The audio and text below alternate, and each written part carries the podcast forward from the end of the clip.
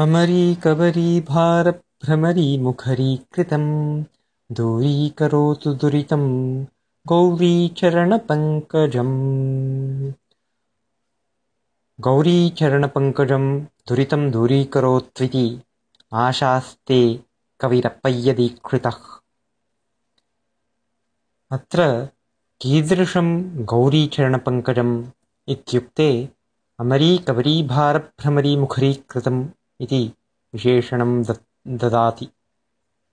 अमर्यो नाम देव्यः, अमरीनां कबर्यः, कबर्याः, कबर्यः नाम केशपाशाः। अमरी, अमरीनां कबर्यः, अमरीकबर्यः।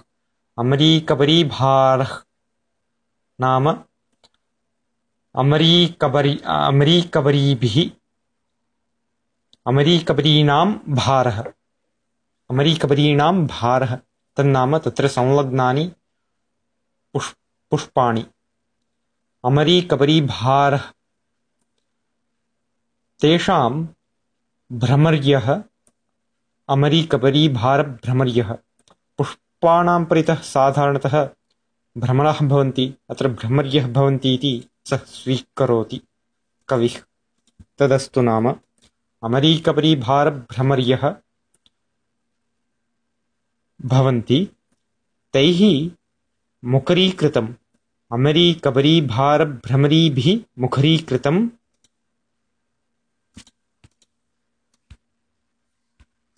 इति समस्तपदस्य विग्रहम् अन्ते वक्तुं शक्नुमः।